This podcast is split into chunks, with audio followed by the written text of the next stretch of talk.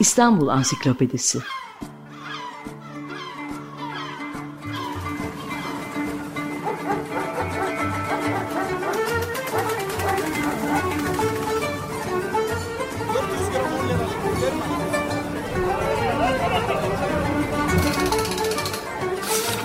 İnsanlar, olaylar, mekanlar, gelenekler ve ihtiyaçlar üzerinden şehrin tarihinden sayfalar.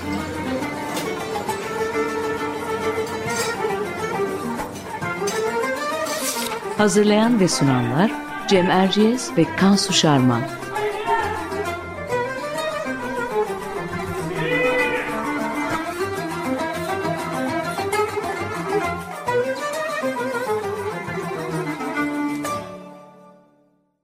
Merhabalar Cem Erciyes ben. Açık Radyo'da Kansu Şarman'la birlikte hazırladığımız İstanbul Ansiklopedisi'nin yeni bir programındayız. Bu hafta İstanbul'un tarihi mirasına önemli bir katkıda bulunmuş mimar bir aileyi, herkesin ismini iyi bildiği Balyanları konu alacağız. Konuğumuz mimarlık tarihi araştırmacısı Büke Uras. Kendisinin Balyanlar, Osmanlı Mimarlığı ve Balyanlar Arşivi adlı çok güzel bir kitabı var. Yakınlarda yayınlandığını söyleyebilirim. Hoş geldiniz Büke Bey. Hoş bulduk, selamlar. Biz her zaman olduğu gibi Kansu ile kısa bir giriş yapıp sözü konuğumuza bırakacağız. Şimdi Balyan ailesi 19. yüzyıl Osmanlı mimarlığının en önemli ismi malum. Baba, oğul ve kardeşler olarak art, art arda dört kuşak hassa mimarı yetiştirmiş. Yani saraya mimarlık yapmış Ermeni bir aile Balyanlar. Soylarının Memeretçi yani onarımcı Bali Alfa'ya dayandığı, isimlerinin de buradan geldiği söyleniyor. Köken olarak Kayseri, kimilerine göre de Maraş civarından gelen bir aile Balyanlar. Osmanlı tarihinde Balyan ailesinden e, ilk hassa mimarı yani saray mimarı Kirkor Amira Balyan'dır. 3. Selim ve 2. Mahmut döneminde hizmet veren Kirkor Balyan'ın Aynalı Kavak Kasrı, Nusretiye Camisi, Selimiye Kışlası bugün ayakta duran önemli yapıları arasında sayılır. Onun kardeşi Senekerim Balyan'ın ise Beyazıt Yangın Kulesi'ni yaptığını biliyoruz. Kirkor Balyan'dan sonra ailenin mimarlarını ve eserlerini sayma işi daha çok uzun. Onun için buradan itibaren sözü Kansu'ya bırakmak istiyorum. Olur mu Kansu? Teşekkür ederim. Çoğunu sayma işini bana bıraktın gerçekten ama evet. elimden geldiğince aktarmaya çalışayım. E, Kirkor Balyan'ın oğlu seni bıraktığın yerden devam edeyim. Kirkor Balyan'ın oğlu Garabet Balyan 2. Mahmut ve Abdülmecit ve Abdülaziz devirlerinde hassa mimarlığı yapmış. Dolmabahçe Sarayı, Celile ve Münire Sultan Sarayları ki biz onu bugünkü Mimar Sinan Üniversitesi e, Fındıklı Kampüsü olarak biliyoruz. E, Gümüşsuyu Kışlası, Dolmabahçe Camii, 2. Mahmut Türbesi, Terkos Tesisleri, Hereke Fabrikası, e, Bakırköy Bez Fabrikası, 3 Horan Kilisesi, Garabet Balyan'ın yaptığı eserlerden bazıları. Onun mesleğini sürdüren dört oğlu da Batı'da eğitim almış. En büyük oğlu Nigos Balyan e, aslında yaşamı kısa. E, Dolmabahçe Muayyede Salonu, Tophane Saat Kulesi, Ortaköy Camii gibi güzel eserleri var. Diğer oğlu Agop Balyan'ın daha çok e, Balyan Ofisi'nin tasarım işlerinden sorumlu olduğu e, ve Sarkis Balyan'ın arkasındaki isimlerden biri olduğu söyleniyor.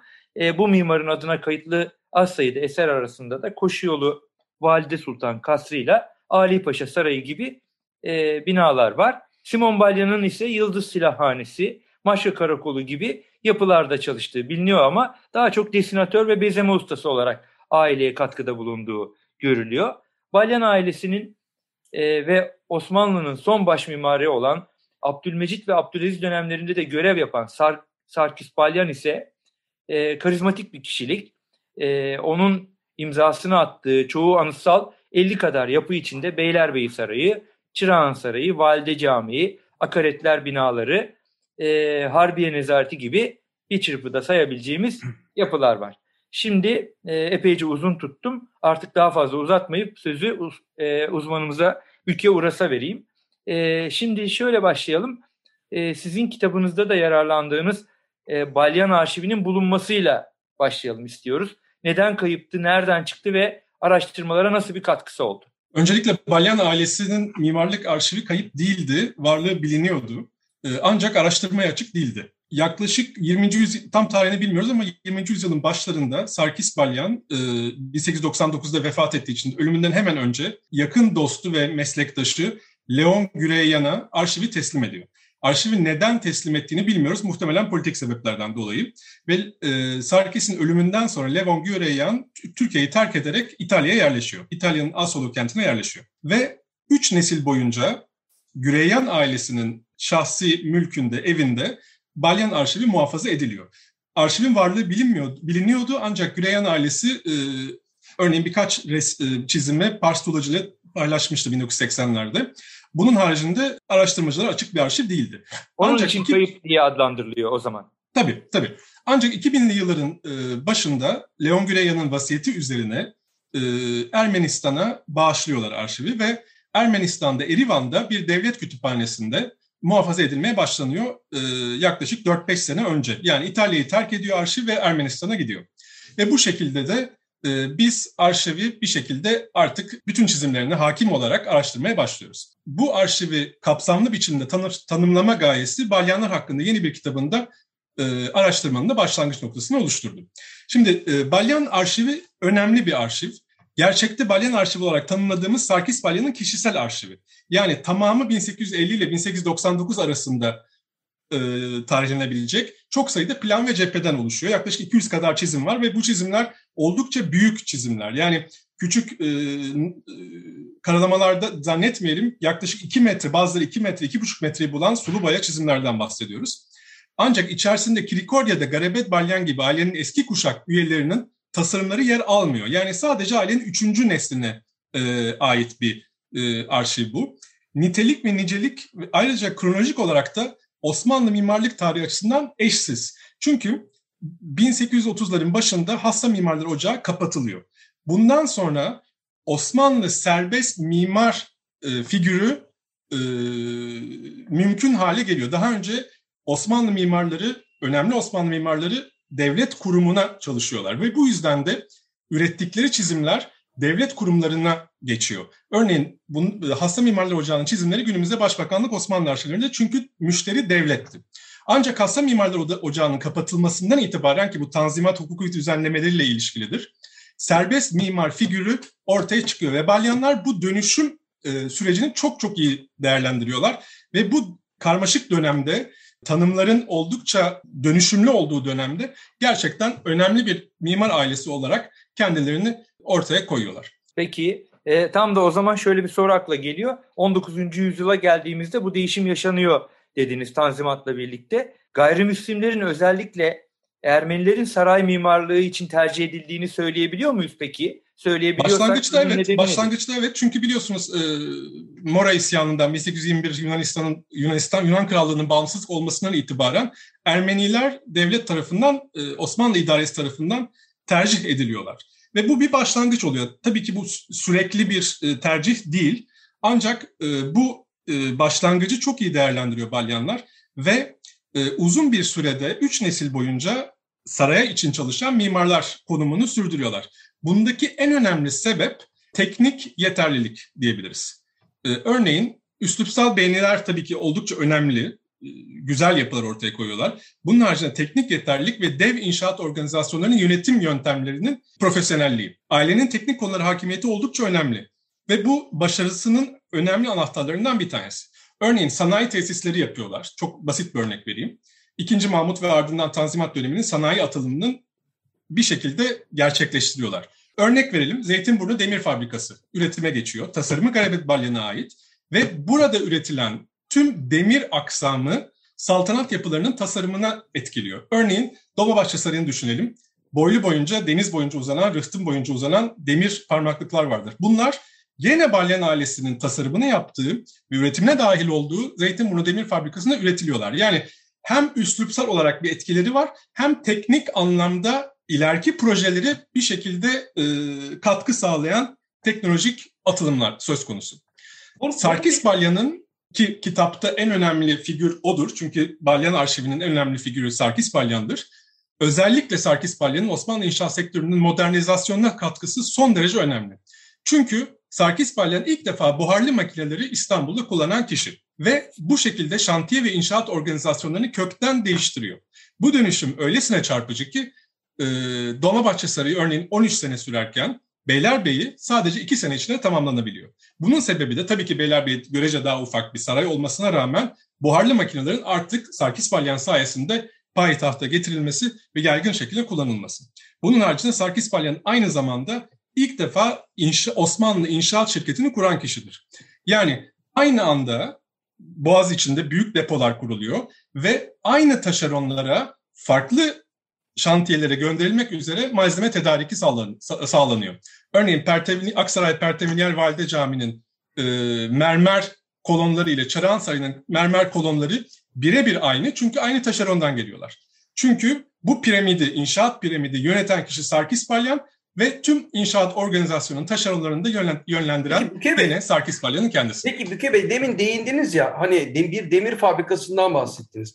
Palyanlar mimar mimar ama bir yandan böyle bir işletmeci, devlet adına e, bir işletmecilik Kesinlikle. yanları da var Kesinlikle. galiba. Çok kısaca onu da anlatır mısınız? O hani böyle Elbette. büyük başarılar içermiyor. Yani Osmanlı'nın bu alandaki genel başarısızlığı e, sanırım orada da söz konusu. Neyse ben yorum yapmayayım. Biraz onu özetler misiniz bize? Bu işte Elbette. Hemen başlamadan önce şunu söyleyeyim. Biz e, Büke Hoca'yla Eduardo Denari konusunda konuşurken onun da böyle bir müteahhitlik, müteahhitlik tarafı vardı projelerinin Tabii dışında. çok farklı ölçeklerden bahsediyoruz burada ee, ve çok farklı e, işverenlerden de bahsediyoruz. Bir evet ama Osmanlı müteahhitlik Sultanı... tarafı var yani taahhüt elbette, eden tarafı elbette, onun da vardı. Elbette. Şimdi Gene Sarkis Balyan örneğine dönelim isterseniz. Sarkis Balyan gerçekten Hasan Mimarları Ocağı'nın kapanmasından sonra ilk Osmanlı modern mimar figürünü ortaya koy, koyan kişi.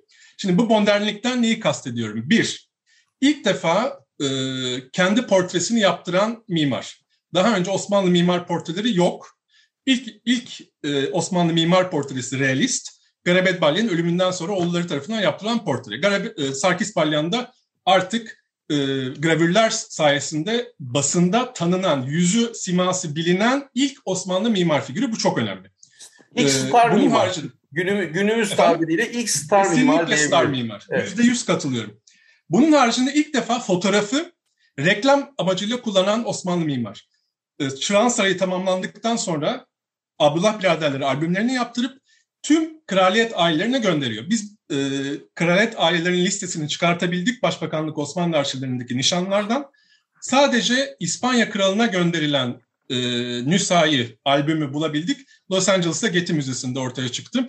E, bu da son derece önemli çünkü modern mimar olarak ilk defa bir Osmanlı mimarı fotoğrafı reklam amacıyla kullanıp müşteri bulmak üzere e, kendi reklamını yapıyor fotoğraf üzerinden. Bu çok önemli. Yine modern mimar konumuyla neyi kastediyorum? Teknolojik yeterlilik ve teknolojik kullanımı, buhar makinelerinin kullanımı. Bunu da, bundan da bahsettik. Ve tabii ki Osmanlı İnşaat, ilk Osmanlı İnşaat Şirketi'nin kurulması. Peki, peki mimarlık üslubu olarak e, Osmanlı mimarlığına katkısı nedir Balyanların? Belirgin bir üslup var mı? E, bu, bu konuda neler söyleyebiliriz? İşit Balyanlar kesinlikle Balyanlar kesinlikle Osmanlı mimarları. Yani batılı elbette etkiler var. Ancak Osmanlılıkları kesinlikle yatsınamaz. Zaten plan bazında da üslupsal cephe çizimlerinde de Osmanlı yerel e, mimarisine büyük bir sahiplenme ve bunu yüceltme e, arayışını görüyoruz. Yani Osmanlı yerel mimarlığını kesinlikle reddetmiyorlar. Tersine yüceltmek için e, üslupsal yollar arıyorlar. Yani Osmanlılıkları kesinlikle yatsınamaz bir mimar aileden bahsediyoruz. Her nesli için bu söz konusu. İsterseniz vaktimiz daralıyor. Arşivin arşivin bize kazandırdıklarından bahsedebilir miyim izniniz olursa? Şimdi arşiv e, dediğim gibi yaklaşık 200 çizimden oluşan bir arşiv. Ve Balyanların ilginç tarafı Balyan mimarlığı daha önce sadece inşa edilmiş yapılar üzerinden değerlendiriliyor yaklaşık 100 yıl boyunca, 20. yüzyıl boyunca. Bunun da başlangıcı e, bir gazetecinin bir makalesi 1875 yılında e, İstanbullu Alfred de Caston isminde bir gazeteci Revue de Constantinople, Konstantinopol gazetesinde bir makale yayınlıyor ve bu makale Sarkis Balyan'la tek e, röportajdır. Bunun haricinde Balyan ailesinin ne bir röportajı var ne de e, mimarlık üzerine düşüncelerini kaleme aldıkları metinler var. E, yani hiçbir şekilde e, ellerine kalem almayan bir aile e, metin yazmak üzere. Bu yüzden de 20. yüzyıl boyunca balyan mimarlığı sadece inşa edilmiş yapılar üzerinden değerlendiriliyor.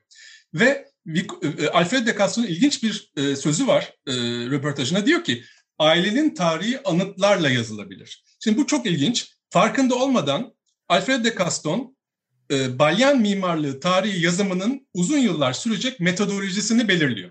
Yani 100 yıl boyunca, 150 yıl boyunca ailenin mimarlık tarihi adına e, incelenmesi sadece inşa edilmiş yapılar üzerinden yapılıyor. Bu arşiv bize ilk defa inşa edilmemiş yapılar üzerinden de bir e, düşünme fırsatı veriyor. Dahası çizimlerin üzerinde farklı karalamalar var ve farklı tasarım alternatifleri var. İlk defa Osmanlı mimarlık tarihinde bu denli önemli yapıların, Çırağan Sarayı'ndan bahsediyorum, Beylerbeyi Sarayı'ndan bahsediyorum, Aziziye Camii'nden bahsediyorum.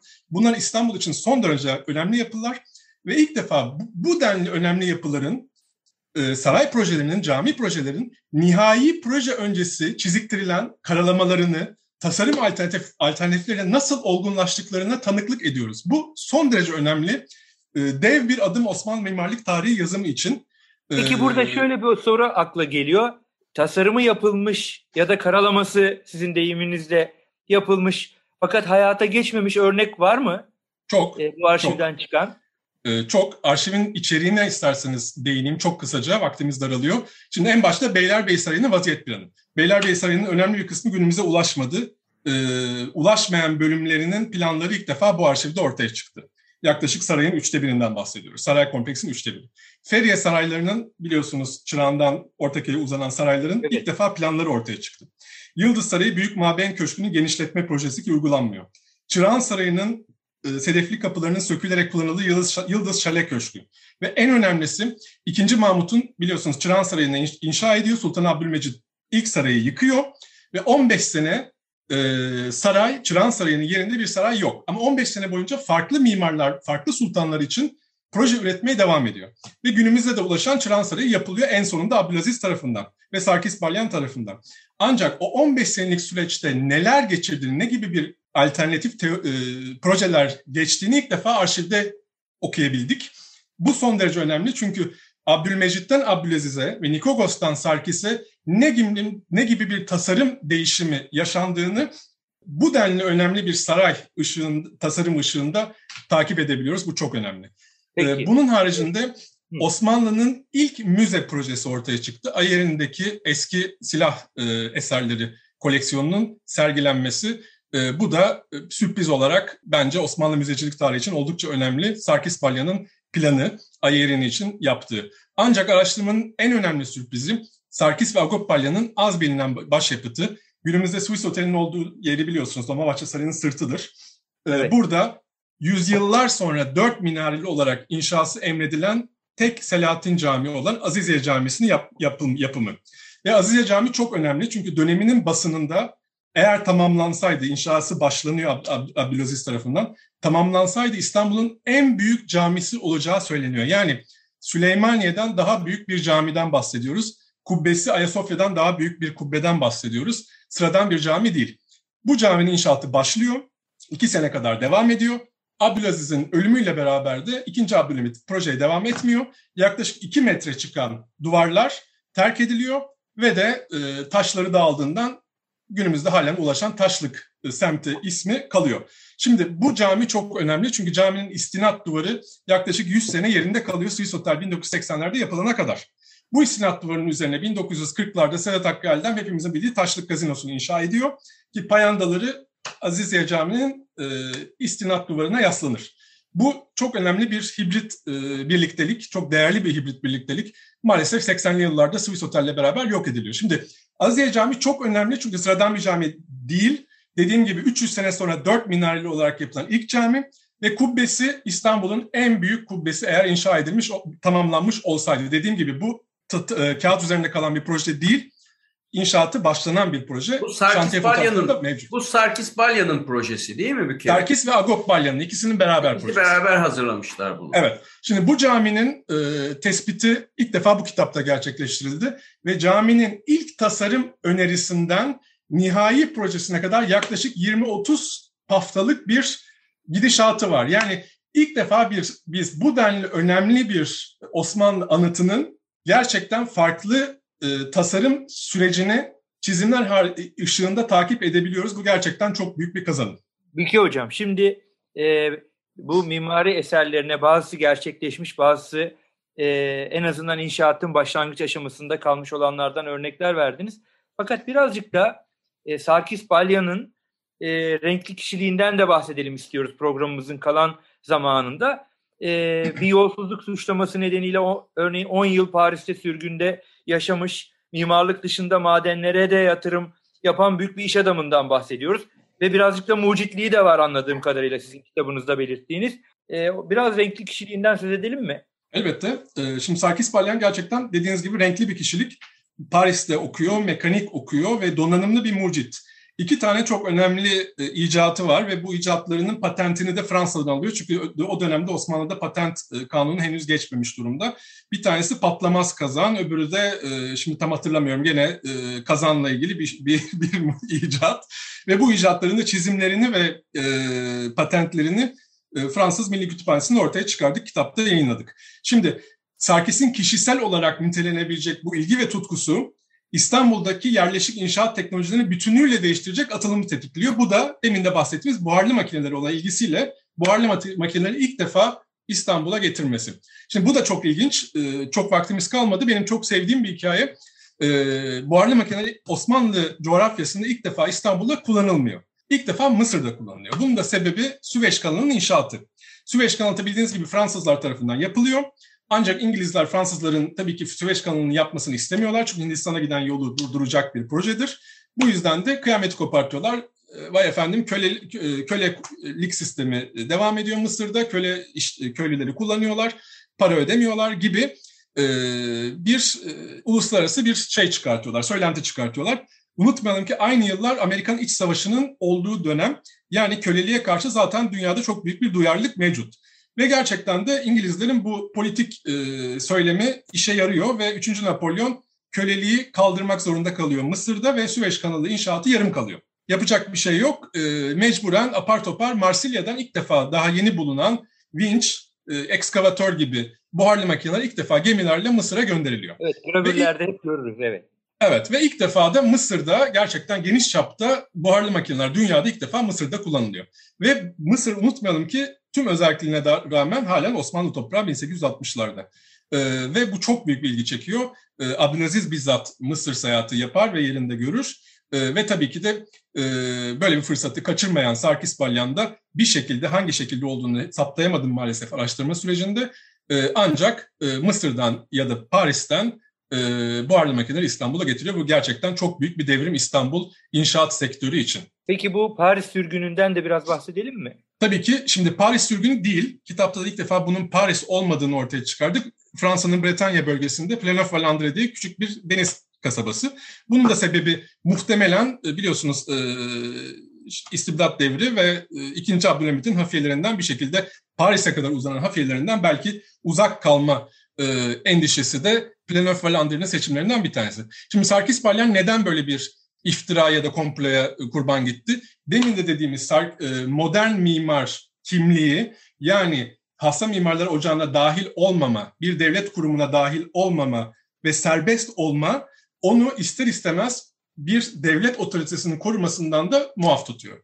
Yani bir şekilde kendi ayağını aslında kurşun sıkıyor ve de e, bir e, söylenti ya da iftira e, burada 20 dakikada sürdüremeyeceğimiz, e, anlatamayacağım bir konuyla e, böyle bir şeye maruz kalıyor. Davaya maruz kalıyor ve de Avrupa'ya kaçıyor. Ama, Ama sonra, dediğim gibi bu sonra bir şekilde kendini affettiriyor. Yine kendini yine affettiriyor. Hani evet, araya aracılar giriyor. Osmanlı vari bir şekilde araya birileri giriyor. Padişah onu affediyor. Dönüyor ve aslında enteresan yani 10 yıl tabii uzun bir süre. Yani bunca zaman zan altında kalmış. Fakat dönüyor neredeyse tabii bir küskünlük var. Ben de yine sizin kitabınızdan da öğrendim bunu. E, şimdiki Galatasaray Adası diye bildiğimiz yer, orada bir ev yaptırıyor kendisine, yüksek duvarlar arkasında. O evde yaşamaya başlıyor. Orası onun çünkü. Ama bir yandan da çalışmaya da devam ediyor. Mimarlık yapmaya da devam Çalışmaya ediyor. devam ediyor. Veriyorlar ona yani. döneminin- Yine baş tacı oluyor değil mi? baş tacı oluyor ve döneminin e, yıllıklarında, ticari yıllıklarında halen saray mimarı olarak ismi geçiyor döndükten sonra. Ve Yıldız Sarayı Maben Köşkü genişletmesi gibi son derece önemli saray için bir, ikinci Abdülhamit için, için bir projeyi üstleniyor. Yani halen saraya çalışmaya devam ediyor. Evet. Peki artık süremiz doldu e, Büke Bey. Ben anlıyorum ki sizin e, en gözde e, Balyan e, eseri gerçekleşmeyen Aziziye Camii. Bunu büyük bir heyecanla anlattınız. Gerçekten de bizim için öğretici oldu. Peki bugün ayakta duran Balyan eserleri bir gözden geçirin ve e, en çok önemsediğiniz hangisi E, bize onu söyleyin. Bu e, esere işaret ederek kapatalım programımızı. Benim çok sevdiğim bir yapı Pertemniyer Valide Sultan Camii'dir. Burada çünkü e, yeni bir üslup arayışı vardır. Aksaray'da bu- galiba değil mi cami? Aksaray'daki. Evet. Aksaray'da hepimizin bildiği cami. Maalesef günümüzde bir e, yerüstü, yeraltı yollarının Evet, kalmış. Evet. E, ve burada gerçekten bir e, din, dil ve kimlikler üstü, e, din, dil üstü, milletler üstü bir Osmanlı kimliğine karşılık gelecek bir üslup arayışı söz konusu. Ve buna yeni Osmanlı üslubu deniyor. Ve bu bir arayış bu gerçekten e, samimi bir arayış. Ve bu arayış gerçekten imparatorluğun dağılma sürecinde acaba hala bir umudumuz var mı? Bu çok milletli yapıyı bir şekilde biz sanatçı, mimar ve aydın olarak kendimiz ne yapabiliriz? Bir kendi çapımızda, kendi e, mesleğimizde nasıl adres, nasıl bunu e, yönlendirebiliriz? Bunun arayışını görüyorum ve bu üzüntülü bir arayış çünkü bu işe yaramıyor. Evet. Ee, yani sonuçta Balyanlar'da Osmanlı kimliğini e, destekleyen, onun, onun var olması Kesinlikle yüzde yüz destekleyenler Evet, ve yüzde önemli- sonuna önemli- kadar Osmanlı tebaasına bağlı Evet, olan mimarlar. önemli e, Osmanlı e, vatandaşlarından bir aile diyelim. Peki böyle bağlamış olayım ben. Çok teşekkür ediyoruz. E, Büke Ben Bey. çok teşekkür ederim davet ettiğiniz için. sonuna geldik. Bu hafta e, Balyanlar hakkında e, üç baskı yapan, müthiş bir kitaba da e, imza atan mimar araştırmacı Büke Uras ile birlikteydik ve e, ünlü mimar aileyi Balyanları konuştuk. E, tekrar teşekkür ediyorum Büke Uras'a ve bizi dinleyenlere. Hoşçakalın. Hoşçakalın.